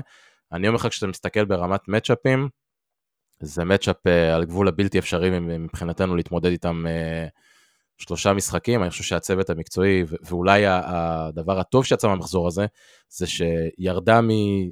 מכל אפשרות השטות הזאת שאם אנחנו נפסיד אנחנו לא נקבל את ריאל מדריד אז עדיף להפסיד. הקטע הלא מכביסטי הזה אז אפשר להוריד את זה מהשולחן הדיונים אבל העובדה שאם אנחנו כן מנצחים יש לנו סיכוי יחסית טוב לא לקבל אותם לדעתי זה משהו שנמצא אצל הצוות המקצועי בראש ואני חושב ש... שזה זה, זה, זה צריך להיות ה-state of mind שלהם במשחק הזה צריך לבוא ולנצח אותו בכל מחיר כי אנחנו לא רוצים לקבל את ריאל מדריד, אני לא חושב שאתה רוצה להיכנס לסדרה נגד הקבוצה היחידה, שיש לה סיכוי לתת לך בראש בקלות שלושה משחקים ולשלוח אותך הביתה עם הזנב בין הרגליים, כשיש לזה אחרי זה השפעה, וראינו את זה שנה שעברה גם על הליגה אה, לקראת שלבי הכרעה בפלייאוף, אה, גם על אה, מה אתה עושה בקיץ אולי אפילו, אתה לא רוצה את התרחיש הזה. גם אם השחקנים לא פועלים ככה. אתה חושב שה-3-0 השפיע על הליגה כמו שעברה? ולא החוזים של השחקנים, ולא... לא. חד משמעית. קודם כל, קודם כל, אבי אבן, אבי אבן בעצמו, בפודקאסט של לינוף ומשה ברדה, אמר את זה, שאחרי שנגמרה הסדרה פלייאוף נגד ריאל מדריד, הוא הרגיש שהקבוצה מתה ברמה המנטלית. מתה, והוא לא, לא משנה מה הוא ניסה, הוא לא הצליח להרים אותה. ברור שהיה שם עוד דברים, וברור שהיה שם שחקנים עם אופי בעייתי וחדר הלבשה לא, לא בריא, ובעיות מקצועיות שצעקו מכאן ועד, אה, ועד מדריד. ברור, אבל אתה יודע, בסוף היו למכבי קבוצות... המצב, יאיר, הברור זה מצב החוזים. שיש לך שחקנים שממשיכים איתך שנה הבאה, ו- ו- ואתה פונה לסוכנים שלהם ומנהל איתם משא ומתן, אז אתה תראה מכבי חזקה בפלייאוף, ושחקנים שנותנים את המאה אחוז. ברגע שהאחוזים לא מתחדשים, אתה תראה ירידה, התרסקות, תקרא לזה איך שאתה רוצה, מכה בראש ומכה מורלית. הכל מושפע ממצב החוזה של השחקנים, ואם הם ממשיכים או לא. כי השחקנים הבינו, ברגע שלא פונים לסוכנים שהם לא ממשיכים, והם זרקו את מה שהם זרקו. וזה הוסיף על כל הבעיות החברתיות שהיו בקבוצה. אני, זה אני הסיבה. ולא השלוש... חברים, בואו, בואו, בואו נתרכז בבקשה לקראת המשחק הקרוב. אה, הערה רק, אחרונה, רק? משפט אחד לענות ליוני, אני מסכים איתך לגמרי על כל מה שאמרת, אני רק אומר, במקרה הנוכחי של מכבי העונה, מספיק שאתה יוצא מהסדרה הזאת עם איזה טרחה לא נעימה של 3-0 מזעזע כזה, וזה גורם לך להפסיד... אה, אתם מאוד מאוד מקדימים את המוקדם להיות, בסדרה עכשיו, יכול כבר מנצח פה, יהיה לנו זמן לדבר על סדרה. יכול להיות. בואו נדבר בבקשה לקראת המשחק הקרוב. אנחנו יודעים שריאל מגיע לפה בלי, אה, בלי, בלי וינסנט פואריה, נכון יוני? בלי פוארה, הוא- בלי, בלי פוארה, בלי נייג'ל וויליאמס גוס גם אמור לא להיות, אה, סרחיו יוי פצוע כבר הרבה זמן, גם אלוסן שלו בכלל לא שיחק העונה, רנדולף הם קיבלו אותו בחזרה במשחק הקודם, זה מה שאני יודע על הפצועים שלהם. כן. זה בכל מקרה, הסגל של ריאל מדריד, אתם יודעים, גם בלי שחקן כזה, שחקן אחד, שניים, שלושה, גם השחקן ה-15 הוא שחקן אה, אה, יורו ליג לגיטימי בכל קבוצה אחרת. אה, יוני אומר שהם מגיעים לפה, לתת, לנצח את המשחק, לא משנה מי נגד מי הם יפגשו. איך אנחנו יכולים לנצח את המשחק הזה? שאלה טובה. לקלוע נקודה יותר. טוב, סיימנו לא, את זה, אפשר אה, להתקדם הלאה. אני חושב שמכבי קבוצה חזקה מאוד בבית, צריך לזכור את זה. מכבי, אנחנו מאזן הכי טוב ביורוליג בבית, ואני חושב שהמשחק יהיה מאוד מאוד שקול וצמוד עם כל היתרונות שלהם ועם כל היכולות שלהם. בסופו של דבר הסתדרנו עם כל הקבוצות, גם שהפסדנו, הפסדנו משחקים צעודים ש, שפשוט, אתה יודע, יום קליעה פחות טוב. איך, איך מנצחים? כמו קבוצה של קאטה, שצריך לקלוע טוב אה, מחוץ לקשת, צריך לשמור ברמה ששמרנו חודש מרץ, אה, ריבוד מפתח כמו תמיד, ולקוות, בסופו של דבר אנחנו יודעים מה, מה הכוח שלהם, רוב הנקודות שלהם כל השנה זה מעמדות 3-4, אה, שם המוצאים לפועל שלהם, הרכזים השנה, כתבתי את זה בצחוק בוואטסאפ שלנו, שהתפקיד שלהם השנה הוא רק לעבור את האמצע, יש שינוי מאוד מאוד משמעותי מהכדורסל אה, של לסו עשה והכדורסל של היום, הוא הרבה יותר אה, פנימה. המפתח זה הנקודות האלה, הגנה חזקה, כליאה- מחוץ לקשת, האולם הביתי, אה, אני חושב שכן אפשר לנצח, למרות שהם קבוצה מפלצתית וקבוצה חזקה מאוד. אני לא יודע להסביר את ההפסד שלה בליגה, הם פשוט קיבלו תבוסה שלוש, כמעט 30 הפרש, 26 הפרש, לא יודע ממה זה נבע, אולי המשחקים הצמודים, אולי הרגשה של סוף עולם איבדו את המקום הראשון לבסקוניה, אז אני לא יודע להגיד לך מה, מה בדיוק קורה. המון אה, קבוצות יורוליג הפסדו בסוף שבוע האחרון בליגה, המון. זה. אתה יודע, לא, זה ככה זה כשאתה מגיע בין המחזורים המכריעים של היורוליג, אז אתה יודע, אז יש נפילות, גם מכבי כמעט הפסידה אתמול לחולון. אה, ריאל מדריד מגיעה למשחק הזה בכושר התקפי מטורף. בעשרה המשחקים האחרונים, 88.2 נקודות, אה, עם 20 אסיסטים בממוצע למשחק, הם נכנסו לכושר. יש שם שחקנים שלא שיחקו טוב רוב העונה, אה, בעמדות 3-4, שאני מסכים עם יוני לחלוטין, זה עמדות המפתח אצלהם. אה, כמובן חוץ מטוורס ופואריה, שזה שתי, שני מפלצות בפני עצמם בעמדה חמש, אה, אבל אה, מוסה שהוא תכלס, תכלס הפליימקר האמיתי שלהם, אפשר לקרוא לזה עמדה שלוש, אבל בפועל הוא מנהל שם את המשחק, יחד עם גבי דק בדקות שהוא נמצא על המגרש, ואזוניה ויבוסל הם מצאו את היד שלהם, 50 אחוז כמעט כל אחד מהם לשלוש בעשרה המשחקים האחרונים, ואלה נקודות המפתח, אתה יודע, לשבש ל... מה, גיא? אתה מבין כמה שמות אתה זרקת פה. אני מבין כמה מיליוני יורו אני זרקתי פה עכשיו. בדיוק, עם, עם ארבעה שחקנים חסרים, כמה שמות אתה הכנסת פה, ש... איזה סגל פסיכי. נכון. כאילו, אתה לא, יכול, אתה לא יכול להתרכז בלחסל שחקן זה או אחר, זה בדיוק העניין. לא, אבל, אבל אתה צריך להסתכל על מה בונה להם את המשחק ב, בתקופה האחרונה, בחודש האחרון, וזה בסוף אלה השחקנים האלה שנמצא, שהכדור נמצא אצלם יותר, שההחלטות מתקבלות על ידיהם יותר, שזה מוסה, גבי דק, אה, אזוניה בדקות שהוא נמצא על המגרש, יבוסל איזה שחקן מטרה כסטרץ' פור. כמובן, אתה יודע, טווארס, אנחנו מכירים אותו. אני חושב אגב שהחיסרון של פואריה פה הוא, הוא, הוא מאוד משמעותי, כי טווארס העונה נוטה להיכנס המון לבעיה של עבירות. יהיה לנו הרבה מזל אם זה יקרה לו במשחק נגד מכבי, כי לא יהיה את פואריה שייכנס ובעצם ייתן את אותו מגדל, אותו חיפוי ו- וסגירה של הצבע והטבעת במקומו. אה, ואני לא חושב שטווארס זה שחקן שיכול לשחק יותר מ-25-26 דקות לערב, אה, אז אולי נקבל הרכבים טיפה יותר נמוכים, אה, אבל כמובן, עוד פעם, כמה שיותר נקודות קלות במעבר, כמה שיותר, כמו שדיברנו נגד ירושלים למשל, early entries לתרגילים, לעשות דברים מהר, לעשות דברים, אתה יודע, בצורה מאוד ממוקדת, לא למשוך את השעון, לא להגיע לסופי, לסופי, לסופי שעון, כי בסוף זאת קבוצת הגנה טובה. אה, וההגנה שלנו זה מפתח, אי אפשר לקבל מהם 88 נקודות בבית ולנצח כלומר. אפשר, אבל זה צריך מאיתנו התעלות התקפית מטורפת. אוקיי, אז שמענו מה צריכים לעשות נגד ריאל מדריד, אני עדיין טוען שזה הרבה יותר פשוט, פשוט צריך לקלוט נקודה יותר, אבל אתם סיבכתם פה את הכל, אז בעיה שלכם. מה שעשינו אה, שנה שעברה, אתה יודע, אין יותר טוב מזה, לקלוע נקודה יותר במשחק, במשחק ליגה, במשחק ליגה, לא, לא בפלייאוף. במשחק יורו ליגה סדיר. האמת ששנתיים אחרונות אנחנו מנצחים אותם, וזו אחת הקבוצות שיותר מרגישה פה טוב ביד אליהו סך הכל. המאזן משנת 2000 הוא 9-7 למכבי בטוטל, היא קבוצה שיודעת לנצח פה, אבל שנתיים אחרונות ניצחנו פה משחקים צמודים, גם כמו שיוני אומר, יש את המשחקים שעניין של תחושת הדחיפות, שהם באים לפה בתור משחק שוואלה, לא דחוף להם, ופה, כמו שיאיר אמר, יהיה מאוד מעניין לראות כמה, כמה ניצחון פה כן חשוב להם, כמה משנה להם אם הם ראשון או שני, כמה משנה להם בכלל עכשיו מי היריבה שלהם. כי מבחינת על, על הנייר מכבי תל אביב, בגלל ההשלכות של אפשרות למקום חמישי וכאלה, צריכה את הניצחון קצת יותר ממנה, מריאל מדריד. אה, שוב, על הנייר. ואולי אולי, אולי זה יתרום גם במשהו, מבחינת אנרגיות, מבחינת אה, כל הדברים האלה. אוקיי, אז בואו עכשיו נעבור למשחק שיהיה או לא יהיה, אה, אחרי ריאל מדריד. נסביר, אה, נסביר את הסיטואציה המוזרה שיכולה לקרות רק אצל מנהלת הליגה שלנו. אה, נקבע משחק בבית העליון בליגה שלנו, דרבי, משחק די חשוב הייתי אומר, ביום ראשון הקרוב, בשעה שש. תכף נדבר גם על השעה המוזרה הזאת ועל ההזיה הזאת שמשחק משחק בין שתי הקבוצות הכי טובות בארץ. משחק עונה, משחק עונה, משחק, משחק בין אחד לקבוע... נגד שתיים בתוך, בבית עליון, לא אפילו גם מתחילת עונה. כן. משחק שיכול לקבוע את זהות האלופה בסופו של דבר, באיזשהו מקום, ככה. יש לזה נכון. השפעה גדולה. אמ, אז המשחק הזה הוא בסימן שאלה. למה? כי ביום רביעי, יום רביעי זה נכון, יום, ימי רביעי זה יורו קאפ, אה, ביום רביעי הקרוב, יום רביעי הקרוב, כן. אה, הפועל תל אביב, הקרוב זאת אומרת ממש השבוע הזה, לפני המשחק של מכבי נגד ריאל, הפועל תל אביב משחקת ברבע רבע גמר, שמינית גמר?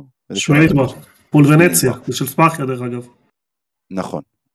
אה, אז אה, הפועל תל אביב משחקת נגד ונציה של ספאחיה בשמינית גמר היורו קאפ.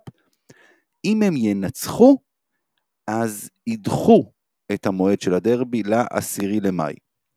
אם הם יפסידו ויודחו מהיורו קאפ, אז המשחק יהיה ביום ראשון הקרוב. זאת אומרת שאנחנו מגיעים למצב של שלושה ימים לפני משחק, אנחנו לא יודעים אם הוא מתקיים. יאיר, נראה לי אתה חם על הנושא הזה, אני אתן, אני, אני אתן לך להתחיל. כן, אה... בוא נתחיל רגע מהעניין הזה של המינהלת. זה בושה וחרפה, באמת, אנחנו מדברים פה על אחד המשחקים מבחינת המשמעות שלו הכי גדולים שהיו לא רק העונה, בכלל בשנים האחרונות. לא רק כי זה מכבי הפועל, כי זה באמת באמת פעם ראשונה מזה המון המון זמן. משחק שבסוף יכריע מי תיקח פה ביתיות, וזה כמו שאמרת, יכול להכריע פה מי תיקח את האליפות. לא יכול להיות ענף ספורט רציני שלוקח את עצמו ברצינות, שמתייחס לאוהדים שלו בצורה כזאת. אנשים צריכים לדעת, הם הולכים למשחק, הם לא הולכים למשחק, זה גם שעה שהיא לא שעה פשוטה. אתה יודע, אולי יש אנשים שרוצים לבוא עם הילדים שלהם, רוצים לדעת אם זה יקרה כן או לא, אולי יש אנשים שצריכים לארגן כל מיני דברים כדי לצאת מהעבודה, כדי להגיע למשחק בשש בערב. לא יכול להיות... אולי ש... יש כאלה שצריכים להגיע לשדר את המשחק, כן, נניח. בסדר, עוד פעם, המקרים הנקודתיים שלכם, אבל בסדר. אה, אתם גם ככה נוטים אה, לעשות בעיות בדרבי. לא, הוא דיבר על רסקין, הוא דיבר על רסקין, כן, על. אה, גיל ברק, מי משדר עכשיו, לא יודע. כן, כן. בקיצור, אני אומר, לא יכול להיות שמשחק כזה, א', כמה ימים לפני לא יודעים אם הוא מתקיים בכלל עכשיו, ואם, ואם, ואם הוא לא עובדתית, מתקיים... אגב, יאיר, סליחה, יאיר, עובדתית, כן יכול להיות. כן, ברור, אתה יודע, עם המינהלת הזאת הכל יכול להיות, אבל זה בדיוק הבעיה, שחסר במינהלת הזאת איזה מישהו שיבוא ויגיד, בואו חברים, אתם משחקים ביום רביעי, עם כל הכבוד, המשחק הוא ביום ראשון, המשחק הבא שלכם ביורוקאפ הוא ביום רביעי, לדעתי אגב, אם אני לא טועה, גם, כן, גם הוא אמור להיות תסביר לי למה בבית, יש בעיה. למה יש בעיה לשחק לפני משחק בית שלושה ימים לפני? כי הפועל בכיינים. הפועל בכיינים, איך זה למה, מכבי תל אביב לגיטימי לדחוף לנו, לדחוף לנו, לדחוף לנו. בדיוק כמו שירושלים באו ובחרו על זה שהם היו צריכים לשחק נגד מכבי 48 שעות לפני משחק באירופה, כשמכבי באו אחרי איזה ארבעה משחקים בשמונה ימים, אז אותו דבר גם הפועל בוכים פה. אוי, זה קשה לנו, אנחנו רוצים להיות ביורוליג, אבל סלח לי, אדון מנהלת, אני מצטער, זה קשה לי לשחק ביום רביעי ואז לבוא ביום ראשון ואז עוד פעם ביום רביעי, זה עמוס לי מדי. מה זה החרא הזה? אגב, משחק אגב, עונה! אנחנו רק נזכיר, רק נזכיר, יורו-קאפ לא שייך לפיבה, גם זו ליגה פרטית, לא? זה, זה אותה ליגה פרטית, נכון, זה מאותו. בית של ליגה פרטית. נכון, זה בדיוק. אז מה החרטא הזאת פתאום? עכשיו- פתאום אה, מתחשבים ככה, עכשיו ליגה, זה, מנהלת זה, הליגה זה שלנו. דבר ראשון. דבר שני, בחייאת רבאק, איך יכול להיות משחק כזה בשש בערב? איך יכול להיות? איך יכול להיות שהמינהלת לא באה והופכת על ערוץ הספורט שולחן ואומרת, תקשיבו, חבורת מטומטמים, יש לכם אלף ערוצים, תמצאו איפה לתקוע את זה בתשע בערב. שמונה וחצי, תשע, לא משנה. לא יכול להיות שמשחק כזה, מרכזי, כל כך משמעותי, משוחק בשעה, שהיא היא, היא, בכל משחק שמתקיים ב, ב, בשעה הזאת, זה שעה מתה. אולמות חצי ריקים, השחקנים עוד ישנונים, כל האווירה היא אווירה של משחק אימון. לא יכול להיות, זה לא רציני, זה לא לעניין, ובגלל זה, אנשים שיותר מתעניינים בכדורגל מכדורסל, קוראים לכדורסל הישראלי חוג, רק בגלל השטויות האלה. לא יכול להיות שדבר כזה קורה. צריך, לה, צריך להגיד, ואני עכשיו אהיה פרקליטו של השטן, אה, יום שני, זה ערב יום השואה. כלומר, לא יכולים לשחק בערב, אז זה שהקדימו כנראה את הכדורגל. רגע, רגע, אבל, או, יפה. לא הכדורגל לא לא, יכול לשחק. ביום שני. אז שהכדורגל ימצא פתרון. לא, לא, לא, תקשיב, שיעבירו את המשחק שלהם לשבת לא- אתה מצידי. יודע, לא, לא, לא, לא, לא, לא, מה פתאום, מה מה זה שיעבירו? תקשיב, גם אה, אין סיבה להתייחס ככה לאף ענת ספורט. הכדורגל, המינהלת של הליגה בכדורגל, שגם עליהם תמיד יש ביקורת לאנשים, יאמר לזכותם, עשתה איזושהי רפורמה מאוד רצינית לפני, לא זוכר כבר שנה, שנתיים, ווטאבר, שהיום אתה יודע, חודש לפחות מראש אוהדים יודעים מתי יהיה המשחק של הקבוצה שלהם, באיזה ימים, באיזה שעות, וככה אגב צריך להתנהל. זה שהכדורסל מתנהל כמו פרטיה זה לא אשמתו של הכדורגל, התחילו להאשים את הכדורגל? מה הקשר? זה אשמתה של המינהלת וזה אשמתו של הזכיין, זה לא אשמתו של הכדורגל. הכדורגל צודק ב-100%, קבעו משחק, אוהדים קנו כרטיסים, אין בחיים ולא צריך להזיז משחק שלהם. מה שכמו שאמרת, יש לערוץ הספורט 500 ערוצים, עם כל הכבוד במקרה הזה זה גם מכבי נתניה נגד הפועל באר שבע, שבזמן הקלטת אה, שורות אלה גם איבדה סיכוי לגמרי לאליפות, אז המשחק הזה מעניין ארבעה אוהדים ויונה באזור 08. אז אתם יכולים לשים את המשחק הזה ב-56 ולא יקרה שום דבר. אבל גיא, והמינהלת הייתה צריכה לשים את הרגל שלה למטה ולהגיד, המשחק הזה לא יהיה בשש בערב, אין חיה כזאת, ולהפועל להגיד, עם כל הכבוד, אתם משחקים שלושה ימים אחרי, מכבי תל אביב עושה את זה כל הזמן, לא יקרה לכם כלום. או, או, אם החלטתם מראש שאתם ממש הולכים לקראת הפועל ביורו-קאפ, כי זה מאוד חשוב בניגוד ליורוליג, יש לכם תאריך אלטרנטיבי שאם הפועל עולה זה anyway, תודיעו מראש שזה בעשירי בינואר, שעה תשע, והכל בעשירי במאי, לא בינואר, סליחה. עם המינהלת הזאת זה עוד יכול להיות בינואר, אבל בעונה הבאה, כאילו, כבר היו פה תקדים לקבוצה שביקשה גמר גביע ששוחק שנה אחרי, זה הכל יכול להיות. תודיעו מראש, המשחק בעשירי במאי, ותפסיקו להתייחס פה לכדורסל, ואומר את זה אחד שגם אוהב כדורגל, אבל תפסיקו להתייחס פה לכדורסל, כמו האחות הצולעת, החורגת, המכוערת והפיסחת. מספיק כבר. אתם מתייחסים לענף שלכם כמו בדיחה וכורתים את הענף. אבל אתה, אבל אתה, עוד פעם, אתה מספיק חכם ומספיק מנוסה בשביל לדעת שזה לא מעניין את המינהלת.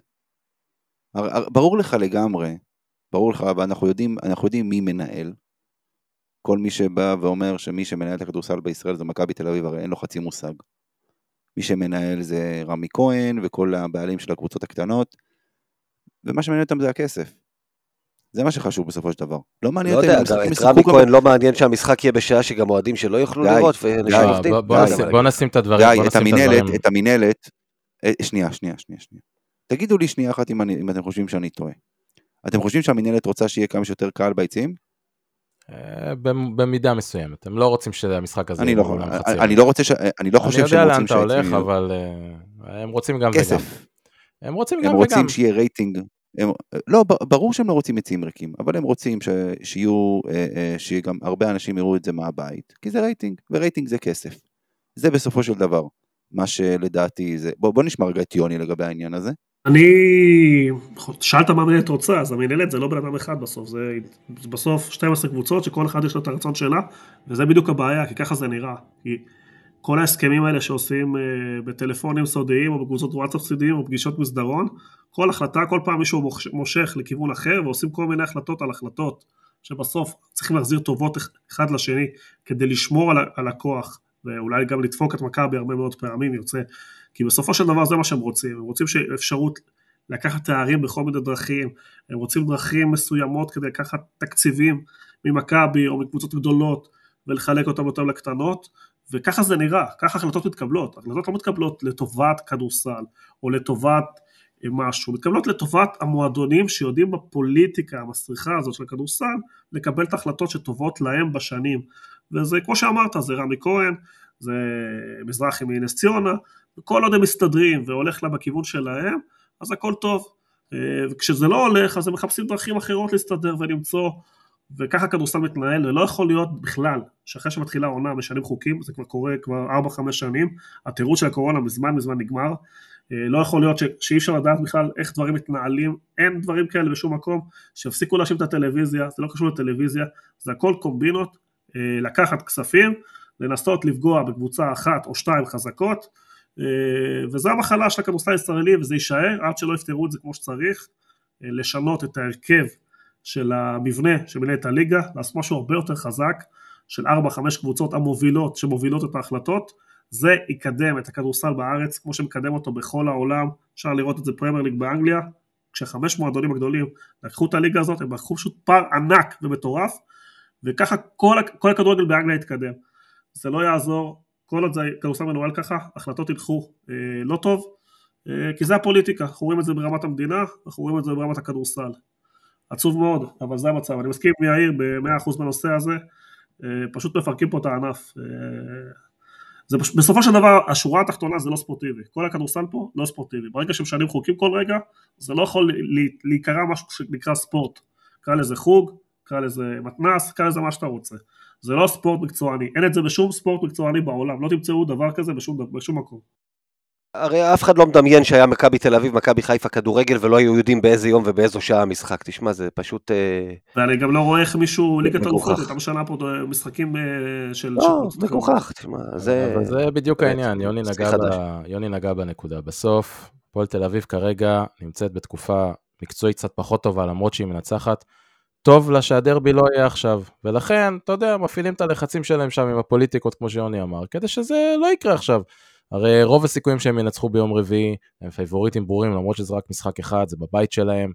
אה, עדיף להם שזה יקרה אחרי שהם מסיימים עם היורו קאפ, עדיף להם שזה לא יהיה בתקופה עכשיו שמכבי עוד אה, נמצאת בטח, אתה יודע, בכושר טוב מאז תחילת חודש מרץ, אה, ולכן זה, זה קורה, הרי אין שום סיבה הגיונית לבוא ולדחות משחק שיש שלושה ארבעה ימים בינו לבין המשחק לפניו ואחריו, זה לא הגיוני. קח סיטואציה הזויה, שהיה לנו שתי שחקני מפתח שלא יכלו לשחק, המשחק הזה היה מתקיים. ברור. אין פה בכלל שאלה, יוני. נו, בסדר, יאללה. לא אומר הכל. נכון, טוב. אמ, בואו נעבור עכשיו, גיא, נעבור לשיעור ההיסטוריה שלך.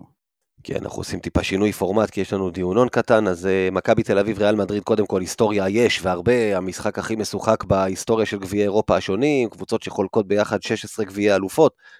אגב, לריאל מדריד יש גם ארבעה גביעי ספורטה, שזה גם שם שיא מפעל. גביע יולב וגביע קוראץ'. אה, פיינל פורים דווקא, אנחנו ניצחנו בפעמיים שזה קרה, גמר של 2014 כולם זוכרים. היה לנו גם את אה, חצי גמר 2011, אה, שבו, כמו שיורם ארבל אמר, כדור לשרוסיאניטיס, בפנים מול טומיץ', עובר טומיץ' ושם את הכדור בפנים, גם עבירה, ושחורי ילך לקו העונשין כדי לנעוץ עוד מסמר. מכבי תל אביב קורעת לריאל מדריד את הצורה. אז אה, שחורי, יורם ארבל אה, הגדול, הפך אותו לשחורי. טוב שלא קרא לו שחור. שחור, כן, לא, זה בהפועל, אתה יודע, היה שחור. בדיוק, בגלל זה. שחור. אה, מכבי תל אביב ב-2011, אחת הקבוצות שאני הכי אהבתי לראות בהיסטוריה של המועדון. באה לפיינל פור אחרי סדרה אדירה מול ויטוריה, אחר, אחר בלי דורון פרקינס שנפצע, ועדיין נתנה חתיכת הצגה מול ריאל מדריד בחצי הגמר, בעיקר הגנתית, הייתה לנו קבוצה עם הגנה של בולדוגים, תכף ניגע בזה. 82-63 היא מנצחת את ריאל מדריד, אה, בורחת לה במחצית השנייה, מקבלת משחק אדיר מצ'אק קיצון, 19 נקודות, 6 חטיפות, לא פחות, מדד 33, וגם אה, חטיפה אחת זכורה שדיור פישר הלך להוציא כדור אחרי סל, ואיצון בא וחוטף את הוצאת החוץ, ואז שם את זה על הפרצוף של אה, דיור פישר עם הפאול. ואתה יודע, אנחנו כבר uh, למדנו להכיר את, ה, את הפרצוף המטומטם שפישר עושה אחרי שהוא עושה שטויות, והוא פשוט עמד שם עם אותה הבעה מטומטמת שהכרנו טוב גם אצלנו וגם הכירו טוב במנדיס כנראה. וזה היה איצון, קיבלנו גם משחק נהדר מג'רמי פרגו, 13 נקודות ועוד 7 אסיסטים. יופי פרגו! איזה יופי פרגו! ופרגו שבע שניות. פרגו רואה את השעון הזה. איזה יופי. איזה שחקן אנחנו רואים כאן. הללויה baby. איזה שחקן. אז חמישה שחקנים במכבי ב double figures, אה, ג'רמי פרגו ואיידסון הזכרנו, פניני 14, בלו 10, סופו 16, קבוצה נהדרת, והיה לנו פשוט דיון שבעקבות השיעור היסטוריה הזה התעורר בקבוצה שלנו, זאת אומרת, לא בעקבות השיעור היסטוריה, היה לנו דיון ואמרתי לנצל את השיעור היסטוריה אליו, כי שאלו על הקו האחורי שהיה פרקינס את פרגו מול אה, לורנזו ובולדווין, ואמיר אמר אין בכלל מקום להשוואה, ובעיניי יש ויש, יותר מזה. הקו האחורי ההוא, בין היתר, נכון שהייתה גם קבוצה יותר טובה, אבל בתור התחלה, במבחן התוצאה, קודם כל הביא אותנו לגמר יורוליג, דאבל קל בארץ, שדרסנו פה את הליגה. הקו האחורי הזה הנוכחי כרגע הביא לנו רק ויה ווינר, עוד, עוד לא עשה שום דבר, ואם מדברים הגנתית, מה שפרגו ופרקינס ידעו לשמור, אין למכבי תל אביב, אה, יחד עם איצון, בוודאי אין למכבי תל אביב שחקנים כאלה היום. הם היו רוצחים הגנתיים, ומה שיש היום, עם כל הכבוד, עדיין לא שם. אני כן יכול להגיד שהקו האחורי שיש לנו היום, הכי טוב שהיה לנו מאז 2011. אה, אבל רק מאז. זהו, נשמח, נשמח לשמוע בקצרה את דעתכם. יאיר. אני מסכים עם אה, מה שגיא סיכם בגדול, עוד פעם, מבחינת שורות תחתונה, קצת לא נכון לדעתי לעשות את ההשוואה הזאת כרגע, שתי סיבות, א', כל התארים וההישגים שאמרת, גיא, לצערנו הרב, לא הביא פרקינס ופרגו, כי פרקינס פשוט נפצע באמצע סדרת פלייאוף ביורוליג. אמ, ומצד שני בולדווין ובראון, אתה יודע, עוד אה, היה להם רק, רק את גביע המדינה בינתיים, עוד לא סיימו ביורוליג, עוד לא אה, סיימו את העונה הראשונה שלהם אפילו פה בליגה הישראלית, אז קצת קשה לעשות את ההשוואה הזאת עכשיו לדעתי. אה, ברור שמבחינה הגנתית, פרקינס פרגו ובטח אם מוסיפים את איטסון זה היה שלישיית קילרים בהגנה, אבל אני חושב שמבחינת כישרון התקפי, מעמד באירופה, בולדווין ובראון הם ברמה הרבה הרבה יותר גבוהה מזה. קצת, קצת מעניין אותי שאף אחד לא הוסיף לדיון הזה, אולי זה קרה ואני לא שמתי לב, את uh, רייס ואיקמן של 2014. זה גם אולי איזשהו דיון שצריך לעשות, אבל, אבל שוב, אני חושב שבאמת אפשר יהיה, קודם כל צריך לזכור, בנוסף למה שאמרת, אה, אה, יאיר, אתה מדבר איתי, גיא, על גמר יורוליג במתכונת שהיא שונה לגמרי. ואי אפשר לנתק את זה מהמשוואה הזו. אל תשכח שבאותה עונה, עדיין זה היה מתכונת הישנה של היורוליג, של ארבעה בתים בשלב הטופ 16, ארבעה בתים של בדיוק. ארבעה, זה אפילו ישנה ישנה יותר, כי ב-2014 זה כבר היה שני בתים של שמונה, זה עוד אפילו עבר פעמיים פורמט. אתה צודק. ועדיין, למשל, בליגה רצחת את הליגה, וגם בשיטת פיינל 4 באת לגמר, ניצחת 40 הפרש, שבת שלום, אתה יודע, לא, אף אחד לא יכול לדגדג אותך פה. בסדר, והשנה זה... אתה, בוא, אתה לא יכול לחתום שניקח אליפות עם קבוצה שהיא באמת קבוצה טובה, לא יכול, גיא, גיא, אתה משווה דברים, הליגה הייתה באותה מתכונת? ברגע שהיורוליגה אגב לא באותה מתכונת זה גם משפיע על הליגה. טוב עזבו עוד פעם, בוא יוני, מה, מה דעתך בנושא? אני לא אוהב את ההשוואות האלה כל כך, אבל אה, אני גם רציתי להגיד את מה שיאיר אמר, שגם מאוד אהבתי את ה-2014, אה, איך אפשר לשכוח את רייס והיקמן. אה, אם אתה שואל אותי, שוב, התקפית, אין ספק שבראון ובולדווין הכי טובים שהיו, אם אנחנו הולכים על המכלול, אני לא בטוח בכלל. אני גם, אתה יודע, נכון שפארקר הוא שלוש, אבל מבחינת היכולת והשפעה וכמות החלטות שהם קיבלו בקבוצה, זה די היה אחד שתיים, כלומר פארקר ושרס הכדור היה אצלהם ועשו pick and roll כל הזמן, זה מה שעכשיו עושים, כלומר, אם הולכים על השוואה נכונה, אז זה שרס ופארקר, כי אה, הם הריצו pick and roll אה, שמונה שניות כמעט כל התקפה, כלומר זה הכי דומה אה, לקבוצה הזאת, אני חושב שברור ששרס ופארקר יותר טובים, אני חושב שממהרים, ממהרים לתת כותרות לאנשים, אני חושב שבסך הכל ציוות מעולה וסוף סוף הקבוצה חזרה, אז כיף לפרגן להם, אבל למכבי היה עוד כמה, לפחות עוד שלושה ארבעה ברמה גבוהה מאוד, השיגו תארים, ובסוף אנחנו נמדוד את זה רק לפי תארים, אני חושב שבסוף, כי גם אם נקבל איזה מכה, כמו שיאיר רמז ברבע, שהדיבור הזה יעלה וידברו על דברים אחרים, ככה זה, אה, ככה זה בתקשורת, ככה זה אוהדים, ולכן אני חושב שזה מוקדם מאוד לתת להם כאלה כתרים. אה, זהו. למרות שאני מסכים שמבחינת השווי שלהם היום באירופה, כלומר אם אתה שם את שניהם היום באירופה, בתור שחקנים חופשיים הם היו מקבלים חוזים מאוד מאוד גבוהים בקבוצות אחרות, אז אה, גם זה צריך להגיד. אוקיי, סבבה, ניתן למאזינים uh, לשפוט. יאיר. שווה סקר אולי, לא? שווה סקר, יעלה שווה סקר. סקר. כן, יאיר, שלך. טוב, נעשה סיכום זריז, זה היה שבוע קצת אה, מוזר מבחינת ההימורים, מבחינת התוצאות שהיו, אה, אבל אה, בגדול אה, שני דברים יצאו ממנו. אה, אחד, הפחות משמעותי בעיניי, אה, גיא חזר למקום הראשון, מוביל 85-84 על אמיר, והחלק היותר משמעותי זה שאחרי כמה שבועות אה, של אה, יובש, סוף סוף ניצחתי שבוע אחד וצמצמתי את הפער, אז אני מאחוריכם עם 80 נקודות. סבבה. אוקיי, אז יאללה, ההימורים שלנו לשבוע הזה. קודם כל, כמובן, מנצחת, יום חמישי, מכבי או ריאל מדריד? מכבי. מכבי. במקור רציתי להגיד מכבי, אני אגיד עכשיו ריאל. יוני? אני אלך על מכבי. הימור שני. ויוני, זה בשבילך, בהמשך okay. אוקיי. לדיון שהיה לנו לפני uh, כמה ימים. אוקיי. Okay. מצ'אפ נקודות, בונזי קולסון, גבריאל דק. אני מתחיל. יאללה, תתחיל אתה. גיא הפוך. אני אלך על דק, דק. ארגנטינה עד הסוף, דק, נו. יפה. בונזי. בונזי. גיא הפוך יצא לי. גיא הפוך, יצא לך בלי שהתכוונת. אה, גם אני הולך על בונזי. הימור שלישי. מי לוקחת יותר ריבאונדים במשחק הזה? ריאל קל, לצערי. ריאל. ריאל מדריד, כן. מכבי. צריך סולם, מכבי תצטרך סולם, אבל בסדר. פואריאל לא, לא, לא נמצא, יאיר אמר את זה, זה משמעותי. זה משמעותי. אם, אם, אם אתה מהמר שמכבי מנצחת, היא צריכה לשלוט בריבאונד. היא לא יכולה להרשות לעצמה 15 שנה. אה, יכול להיות צמוד בריבאונד, ואתה יודע. גם שני ריבאונד היו לנו משחקים, אה, היו לנו משחקים השנה שניצחנו גם, אה, גם עם הפסדים בריבאונד, היו כמה וכמה. טוב, יאללה, יאללה, נו, בקיצור אין לכם מושג. טוב, אחוזים לשלוש. מכבי. איזו קבוצה תצא? מכבי. אני, אני כמוך.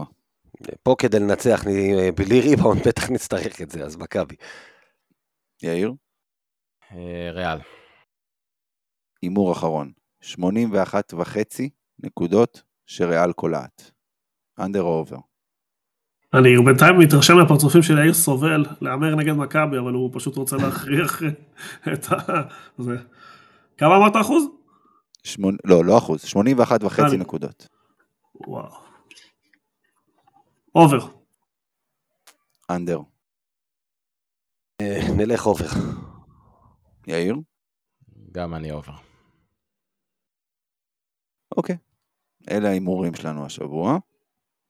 אנחנו מסיימים פה את הפרק, וכמובן שאנחנו, גיא ואני, נהיה ביד אליהו ביום חמישי, נשדר לכם את המשחק הזה בערוץ הטוויץ' הרשמי של מכבי, וכמובן שאתם יכולים לחפש אותנו וגם למצוא אותנו בפייסבוק, בקבוצת האוהדים של מכבי תל אביב, באתר מכבי פוד, בטוויטר, בטלגרם ובאינסטגרם. אמ, תודה רבה לכם, תודה יוני מונפו. בכיף, תודה לכם. ת, ת, תביא איזה שוקולד משהו מדובאי, אל, אל תשכח. יש את השוקולד תמרים הזה שם, שממלאים אותו בתמרים. שוקולד תמרים תאכל אתה. טעים, טעים, שוקולד תמרים. די, די. כשאתה גר אני אביא לך גמלים, אחי.